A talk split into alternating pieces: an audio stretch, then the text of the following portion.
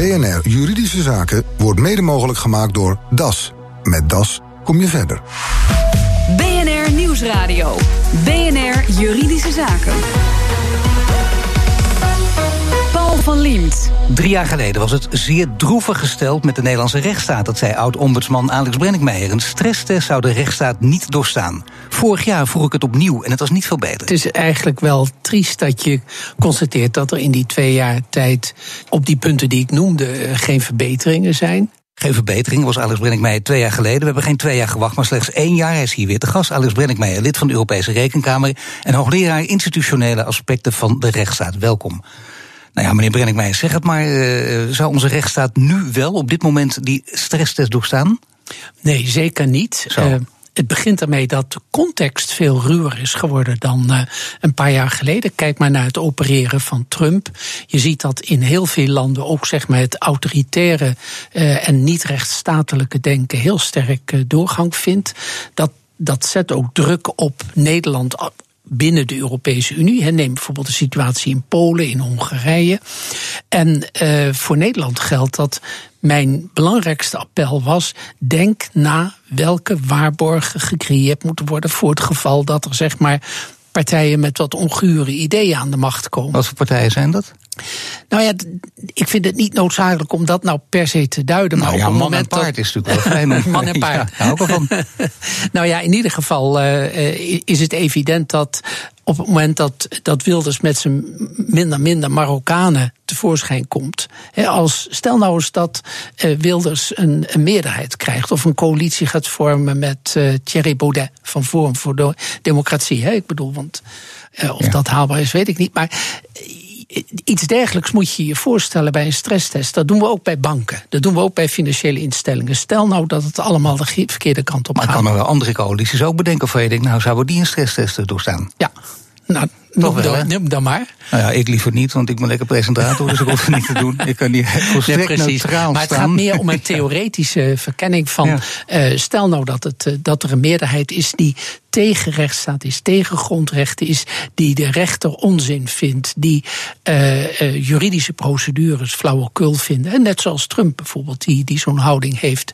maar als je het dan toch over rechtsstaat hebt, dan moet toch eerst Trump veroordeeld zijn. Dan moet toch eerst Wilders bijvoorbeeld om die uitspraak ook veroordeeld zijn. En dan pas, als je dan echt toch heel rechtsstatelijk wil zijn, dan pas kun je er iets van zeggen.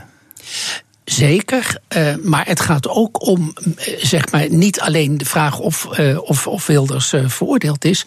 Het gaat om de, de, de intentie van partijen of ze de democratische rechtsstaat van ganse harte willen ondersteunen. En als je een verklaring op een rijtje zet, dan kun je zeggen, nou, daar zitten toch wel, toch wel problemen. Maar nogmaals, het gaat mij niet om, om een bepaalde te wijzen naar een bepaalde politieke partij. Zeker niet naar de PVV of het Forum voor Democratie. Maar meer gewoon, zoals je bij banken zegt. Stel nou dat het financieel onguur weer wordt. Wat gebeurt er dan? Val je om? Wat gebeurt er nou met de rechtsstaat op het moment dat er een meerderheid in het parlement uh, zich aftekent die uh, lak heeft aan democratische procedures, die lak heeft aan de rechtsstaat en dan gebruik maakt van zijn meerderheidspositie om invloed uit te oefenen, invloed op de politie. En de rechtsstaat is er niet beter op geworden. Wat zou er dan gebeuren? Want inderdaad, dat soort invloed gaan uitoefenen betekent dus dat de democratie aan het wankelen is? Zeker. De, de democratie kan, kan zwaar onder druk komen te staan. Daar zijn ook studies over geschreven, over zeg maar, het onderwerp weerbare democratie. Ik heb daar zelf ook aan meegewerkt van de Raad Openbaar Bestuur. Dus de, de democratie kan verder onder druk komen te staan. Maar daarachter zit het idee, de wetgever kan, als hij 50% van de zetels heeft plus één dingen doorzetten waarvan je denkt op een gegeven moment: hé, hey, klopt dat nou wel? Maar dan kun je dus, uh, in, laten we zeggen, dit theoretische model even doorspreken. Want het is niet onbelangrijk om te weten wat er zou kunnen gebeuren. Dan zou dus een dictatuur kunnen ontstaan, ook in Nederland. Ja. Ja, dat heeft uh, Donner destijds als uh, vicepresident van de Raad van State ook, ook aangegeven. Maar het is nu, de, de kant is nu nog groter. Dus, want u zegt, de rechtsstaat staat er slechter voor. Nee, inderdaad. De, de, de, de context waarin uh, de Nederlandse democratische rechtsstaat uh, functioneert, uh, wordt, wordt steeds guurder. En je ziet ook dat in het publieke en het politieke debat, zeg maar, het beleiden van het idee van een vrije democratische rechtsstaat veel meer op de achtergrond komt te staan. op een gegeven ogenblik wordt aangegeven van ja, de, de rechtspraak van de rechter is toch wel lastig. Uh, de rechterlijke macht zit als geheel in zwaar weer he, met die eh, automatisering die, uh, die mislukt is. Maar, maar dat hangt ook samen met de positionering van de rechterlijke macht, die in Nederland gewoon heel zwak is. En dat politiek er geen enkele bereidheid is om de constitutionele positie van de rechterlijke macht te versterken. Er is helemaal geen wil om bijvoorbeeld constitutionele rechtspraak in te voeren. Wat heel hard noodzakelijk zou zijn, juist in deze tijd. Waar komt die onwil vandaan? Ik denk dat er twee factoren zijn. Het eerste is gewoon gemakzucht.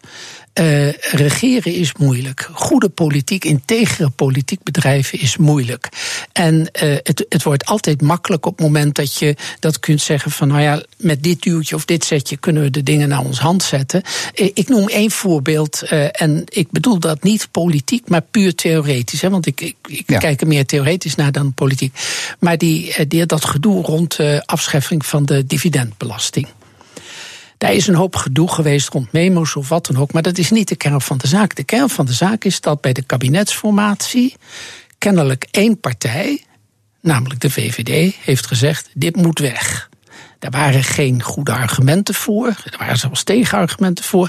Maar ons democratisch bestel zit zo in elkaar dat dus één partij tijdens de kabinetsformatie de macht heeft om dit te doen. We hebben bij de kabinetsformatie van Rutte 1 dit ook gezien. En dat was toen ook de invloed van Wilders via de PVV die gedoogde. Dat er hele gekke dingen uh, uh, uitgevoerd gingen worden. Omdat één partij in een gedogende positie zei: ja, als ik, als ik moet gedogen, dan moet dit maar meegaan. Maar constitutionele wetgeving dat heeft vaak te maken dus met, met, met onwil, met gemakzucht. Maar het kan ook te maken hebben met bijvoorbeeld: uh, doet er niet toe, want de achterban is er toch niet in geïnteresseerd. Ja, kan. De, het, het, zeg maar, het democratisch rechtsstatelijk besef uh, is, is niet sterk aanwezig, niet sterk genoeg aanwezig, naar mijn idee. Je zou echt een, veel sterkere maatschappelijk besef moeten hebben dat uh, onze vreedzame samenleving volledig gebaseerd is op de fundamenten van democratie en rechtsstaat. Maar het zijn stevige woorden die u ja. gebruikt. En u bent niet de eerste, want bijvoorbeeld uh, voordat hij minister werd, uh, niet, uh, kort daarvoor kwam een boekje uit Ravels aan de rechtsstaat van Ferdinand Grapperhaus. En die had het hier ook al over. Die zegt: pas op, er is wat aan de hand hier in Nederland. Hè. Vrijheid, gelijkheid, broederschap vinden we heel erg belangrijk, maar een hele middenklasse dreigt te verdwijnen. Ja. En dat doet een land ook geen goed. Ja, nee, zeker. Er is ook, eh, laat ik zeggen, dat is het punt van de onrust in de samenleving. Daar heb ik ook over geschreven. hoe de democratie functioneert in onze complexe tijd.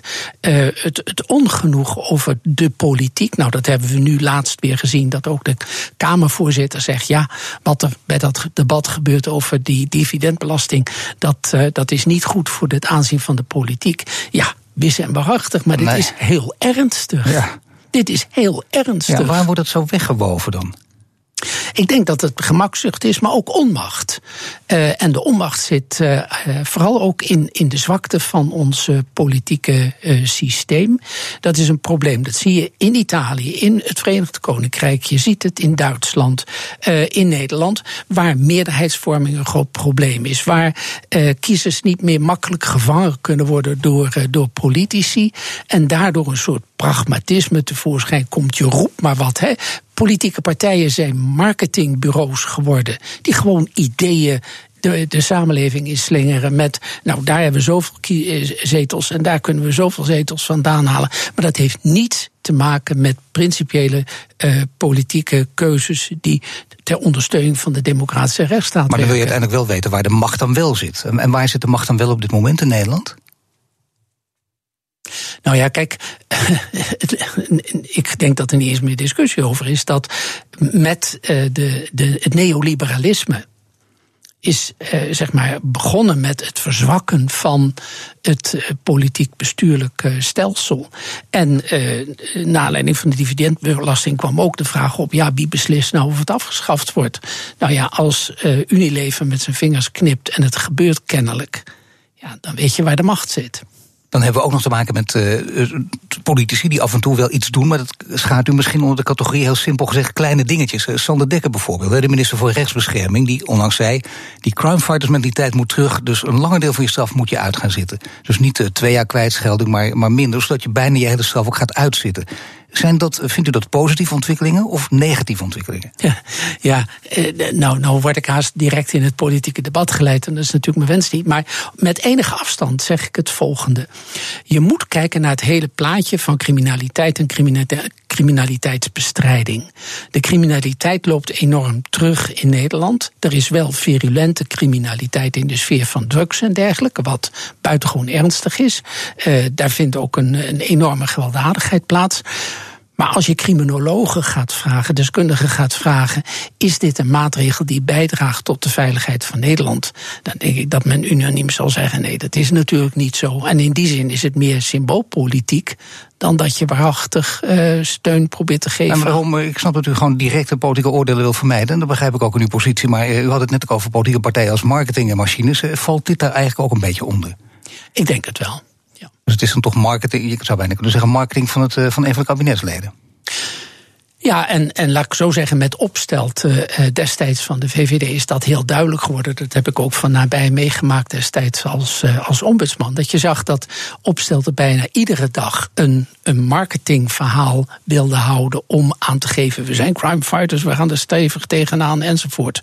Ja, die tendens die zie je nog steeds uh, naeilen. In die zin dat men de samenleving de indruk wil wekken. Nou, we zitten er toch bovenop en we doen het enorm. Maar ja, belangrijk is natuurlijk ook de vraag: heb je voldoende fundament om aan te tonen dat dit ook werkelijk zin heeft? Anders Brenningmeijer, echt waar, die geeft ook voldoende. Als lid van de Europese Rekenkamer doet hij dat. Een zes minnetje, maar toch. Straks meer erover. BNR Nieuwsradio. BNR Juridische Zaken. Het is weliswaar nog geen dikke voldoende, maar de Europese lidstaten hebben voor het eerst in 23 jaar een zesje gescoord voor het besteden van EU-budgetten. De voldoende werd gegeven door de Europese Rekenkamer en daar is mijn gast Alex Brenningmeijer lid van. Want wat doen we dan precies goed, althans tamelijk goed, met het Europese geld? Uh, bij de besteding van het Europees geld zie je dat zeg maar, de financiële verantwoording die is in de loop der jaren steeds iets beter geworden. Daarbij moet ik zeggen, toen ik mij presenteerde vier jaar geleden in het Europees Parlement als mogelijk lid van de Rekenkamer, heb ik gezegd: het kan niet dat wij jaar in jaar uit al twintig jaar een negatieve verklaring afgeven en er vindt wel discharge plaats. En ik ben heel gelukkig daarom met deze ontwikkeling, omdat het nu wat waarachtiger wordt. Dus het financieel beheer is, uh, is beter geworden. Maar ik vind ook dat hierin tot uitdrukking komt iets wat zit in de nieuwe strategie van de uh, Europese Rekenkamer. Dat we meer gaan kijken, wordt het geld zinnig besteed, de doelmatigheid, in plaats van alleen rechtmatigheid, regeltjes. Want in Europa hebben we onwaarschijnlijk veel regeltjes en er wordt eindeloos op gelet en alsmaar wordt er gevinkt. En als we dan een regeltje vinden waar iets mis mee is, dan zeggen ze: oh, dat is een schandaal. Maar het echte schandaal is natuurlijk als er een haven aangelegd wordt waar nooit een schip komt. Als er een luchthaventerminal is waar nooit uh, uh, reizigers terecht Het gaat om de echte verhalen, maar ook, ook hier weer over uh, de, de moraliteit die aan ten grondslag ligt. Ja, zeker. Ja, want dat afvinken, dat is een hele makkelijke methode. Dan kun je eigenlijk ook zeggen, dat is bijna werken met Excel-sheet natuurlijk. Van kijkers, hier hebben we de harde cijfers in de handen. Maar uh, in de hoofden van de mensen verandert eigenlijk niets. Ja, en dat is, dat is een punt wat ik uh, in Europa heel erg belangrijk vind. Zeg maar, uh, in, in de sfeer van, van financieel beheer zie je dat men zich heel makkelijk verbergt achter. Ja, volgens de regeltjes klopt het allemaal. Maar dan ga je doorprikken en zeg je ja, en, en waar leidt dit dan toe? En worden burgers hier gelukkig van? Nou, nee, dat valt dan wel tegen. Maar ja, daar dat, zijn wij niet van. Nee, maar ja, daar zijn wij niet van. Dat is juist heel pijnlijk, want dat ja. is toch waar het om gaat uiteindelijk. Hè? Als, als je die regeltjes verandert, maar de mentaliteit niet, dan schiet je toch heel weinig op. Want dan schieten mensen vaak weer in denken: oh, na twee jaar zijn de regeltjes, zijn de mensen weer vergeten. En dan schiet je weer terug in je oude mentaliteit. Ja, ik was vorig jaar voorzitter van de strategiewerkgroep bij de Rekenkamer.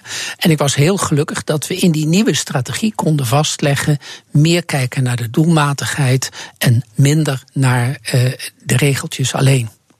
Nu uh, kijken we ook bijvoorbeeld naar uh, geldstromen controleren. In Nederland is de AFM bijvoorbeeld op de vingers getikt. Financiële toezichthouder die rekende de fouten van individuele accountants. Die rekenden ja. het hele kantoor aan. En dat mocht niet volgens de rechter. Kunt u die redenering volgen van de rechter? Ik kan zeker de redenering van, uh, van de rechter volgen. Je kunt natuurlijk ook een vergelijking maken met advocaten en advocatenkantoren. Hè. Wordt een, eh, ik, uh, ik, ik heb zelf ook wel eens een onderzoek gedaan naar de kwaliteit van onderzoek door advocaten. Ja, dat wordt niet een kantoor aangerekend, maar een individuele advocaat. Bij accountants is die vraag nu open. De AFM wilde zeggen, we kunnen het een heel kantoor aanrekenen.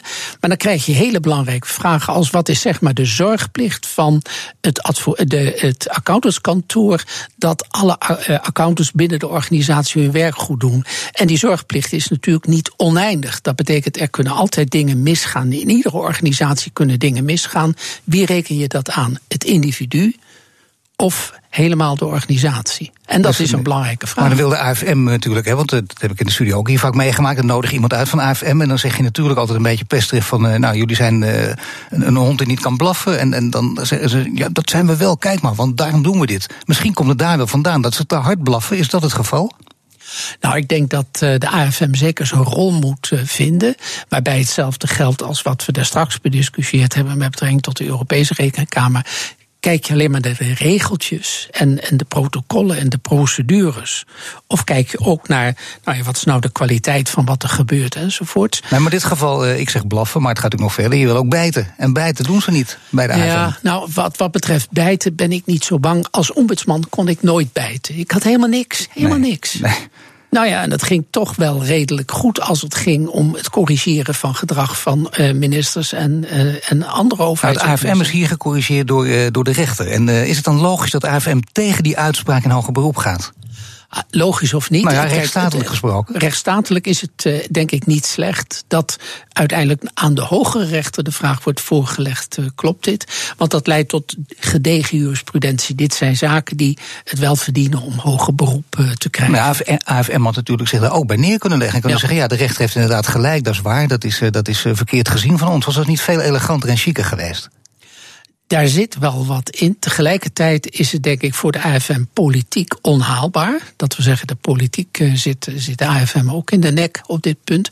En en dan kies ik toch maar een beetje meer het perspectief van, uh, van, van uh, rechtswetenschap en een goede ontwikkeling van de rechtsstaat. Denk ik, het kan geen kwaad om dit eens door te zetten. Zeker omdat het gaat om partijen uh, als grote accountantskantoren die wel die druk kunnen weerstaan van een, een hoge beroepsprocedure. Nou, de druk weerstaan van een rechtsstaat, daar begonnen we dit gesprek mee. Daar hebben we een paar, nou laten we zeggen, belangrijke dingen over geroepen. En stevige dingen gelukkig ook over gezegd. ook weer blaffen en zonder te kunnen bijten. Maar dat geeft je, want u weet hoe het aankomt. Uh, en met name als het gaat over wie heeft op dit moment de macht in handen. En u zegt, kijk bijvoorbeeld eens naar die eh, discussie rond de dividendbelasting. Dan kun je zeggen dat wie heeft het. U zegt dus eigenlijk geen discussie meer. Wie heeft het hiervoor te zeggen? Dat zijn de multinationals. Ja. Nou ja, maar dat is wel een uitspraak. Ik bedoel, daar kun je toch moeilijk uh, zomaar voorbij gaan. De multinationals hebben het voor te zeggen, dan leven we dus niet meer in een democratie. Nee, maar als we even naar de, de letter van de wet kijken. Um, laat ik het zo zeggen, in met het neoliberalisme is eh, zeg maar aan de markt, de marktwerking en een vooral vaak, vaak ook veel minder gecontroleerde marktwerking veel meer betekenis toegekend. En die druk leidt natuurlijk, heeft natuurlijk invloed op het functioneren van de democratische rechtsstaat. Nou ja, dat is, ik zou bijna zeggen, dat is nog heel voorzichtig gezegd, heeft invloed daarop. Maar betekent dat, dat de democratische rechtsstaat aan het afbrokkelen is, omdat andere niet gekozen partijen de macht hebben. Nou ja, een belangrijke vraag is: wat is nou het perspectief van de afschaffing van de dividendbelasting? Het moet naar de Tweede Kamer, naar de Eerste Kamer. Het kan zijn dat de Eerste Kamer zegt: ja, we zijn de chambre de réflexion, maar het kan net zo goed, hè, dus de, de herbezinningskamer. Maar het kan net zo goed zijn dat de politieke dobbelstenen al geworpen zijn. Hè, en dat daar de, de meerderheid ook uh, gaat dragen. We kennen geen constitutioneel toetsingsrecht. Hè, in Duitsland zou dit naar het Bundesverfassungsgericht gaan. En die zouden daar een onafhankelijk oordeel over geven. En dat wordt misschien een pijnlijk oordeel, maar dat is de, de democratische rechtsstaat in, uh, in actie. Laat zeggen, uw oordeel op dit moment is dat, dat, uh, dat nou ja, als, als we echt heel zuiver redeneren, dat we niet meer in een democratische rechtsstaat leven. Want multinationals hebben het voor het zeggen. Nou, ik probeer gewoon nu ja, ja, eigen woorden samen te vatten. Nou ja, zo zwart-wit is het niet. Hè. het is ook niet zo dat het, dat het aan of uit is met de democratische rechtsstaat democratie is een streven, rechtsstaat is een streven. Maar uh, ja, als je op 80% zit uh, of 90%, dat is al niet genoeg. Hè? Dus je, je moet uh, veel meer de puntjes op die kunnen zetten. Hoeveel procent zitten we nu?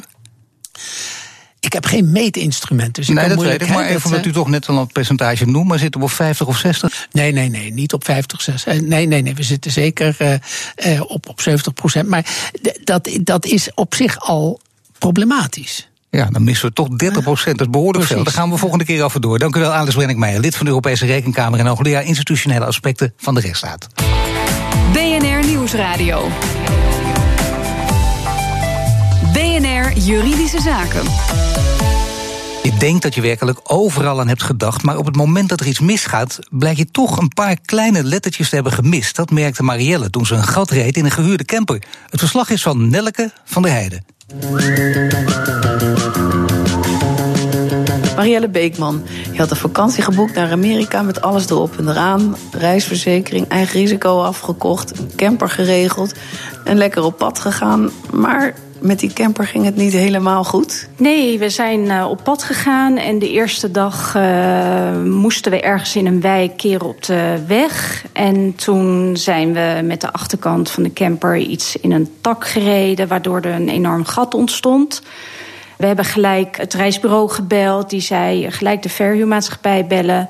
Verhuurmaatschappij is Roadbeer, hebben we gelijk gebeld. Zij hebben ons verteld, nou geeft niks, je kan er gewoon mee doorrijden. Even met duct tape afplakken en dan uh, kan je je reis verder gaan doen. Vervolgens hebben wij uh, na tien dagen onze camper weer ingeleverd. De schade was opgemaakt, dat was in totaal 1688 dollar. Wij hebben toen alles moeten betalen. Dat vonden wij een beetje gek, want wij dachten dat wij alles verzekerd hadden via WTC Online. Gelijk WTC gebeld. WTC heeft ons uh, gezegd: nee, je kan alles betalen. Bij terugkomst wordt alles vergoed. Kan je formulieren invullen. We hebben het betaald via onze creditcard. Vervolgens kwamen we terug in Nederland, alle formulieren ingevuld. En wat blijkt, we krijgen maar 1000 dollar terug en niet het resterende bedrag. Heb je enig idee waarom? WTC verschuilt zich continu achter Roadbeer, de verhuurmaatschappij. Zij willen het niet uitbetalen. Wij zijn zelf van mening dat wij niets te maken hebben met Roadbeer of wie dan ook. Alleen met WTC. We hebben het via hun geboekt, via hun uh, verzekering afgesloten. En denken ook dat zij ons uh, moeten uitkeren. Vero Mewa van Beer Advocaten. Kan Marielle inderdaad bij WTC aankloppen? Nou, dat is de vraag. Zij was duidelijk in de veronderstelling dat ze een goede verzekering had die alle schade dekte. Dat blijkt achteraf niet zo te zijn. De Nederlandse wet, de wet op de reisovereenkomst, bepaalt dan dat je moet bewijzen dat je aan de hand van de gedragingen en verklaringen van de reisorganisator een bepaald product hebt afgenomen die niet sluitend was. En daar zou je eventueel voor terecht kunnen bij WTC in dit geval. Maar dat moest ze dan wel kunnen bewijzen? Ja, dat maakt dit soort zaken lastig. Je moet echt kunnen bewijzen, en het liefst schriftelijk ook, dat jij verkeerd bent geïnformeerd en dat dat volledig te wijten is aan die reisorganisator. En daarbij moet je ook kunnen bewijzen dat jij hebt aangegeven wat je precies allemaal verzekerd wilde hebben. Nou ja, achteraf stellen dat dat zo is met alleen je eigen verhaal is niet overtuigend bewijs. Dus uh, ja, ik hoop dat mevrouw al e-mails tot haar beschikking heeft... Uh, waaruit blijkt dat ze hierom gevraagd heeft... en dat ze op die manier geïnformeerd is. Want Sebas is inderdaad niet goed verzekerd. Ja, dat blijkt hier. Zij heeft uiteindelijk een eigen risicoverzekering gekregen... waarbij, het woord zegt het al, alleen een eigen risico is verzekerd. En dat was in dit geval dan ook nog eens niet voor het volledige bedrag. Zij had een eigen risicoverzekering van 1000 euro. Ja, alles boven de 1000 euro komt dan toch nog voor haar eigen rekening. Ja, dus waar moet je dan eigenlijk op letten als je zo'n verzekering afsluit of naar een reisbureau stapt? Het is wel een cliché, maar laat je goed informeren. Lees de kleine lettertjes. Je moet je er bewust van zijn wat je precies wil verzekeren. Vraag naar een volledige cascoverzekering. Kijk of diefstal van het voertuig daar ook onder valt. Dat is heel vaak niet het geval. En als je dat allemaal hebt uitgezocht, zoek dan een sluitende verzekering. En leg dat zoveel mogelijk vast. Dus doe dat per e-mail. En dan moet je ook nog op het bedrag van het eigen risico letten. Ja, je hebt verschillende varianten voor een eigen risicoverzekering. Variërend van 1000 euro tot veel hoger. 6000 euro is het maximaal. En als jij ziet bij een autoverhuurbedrijf dat jouw eigen risico 2000 euro is, sluit dan een verzekering af voor dat bedrag. Let dus ook goed op het bedrag van het eigen risico, zegt advocaat Veru Mewa in een verslag van Nelke van der Heijden. Heeft u ook een juridische vraag? Mail hem naar juridischezaken.bnr.nl. Dus juridischezaken.bnr.nl. En dit was de uitzending voor vandaag. U kunt de show terugluisteren via bnr.nl slash juridische zaken. Mijn naam is Paul van Liemt. Tot de volgende zitting. BNR Juridische Zaken wordt mede mogelijk gemaakt door DAS. Met DAS kom je verder.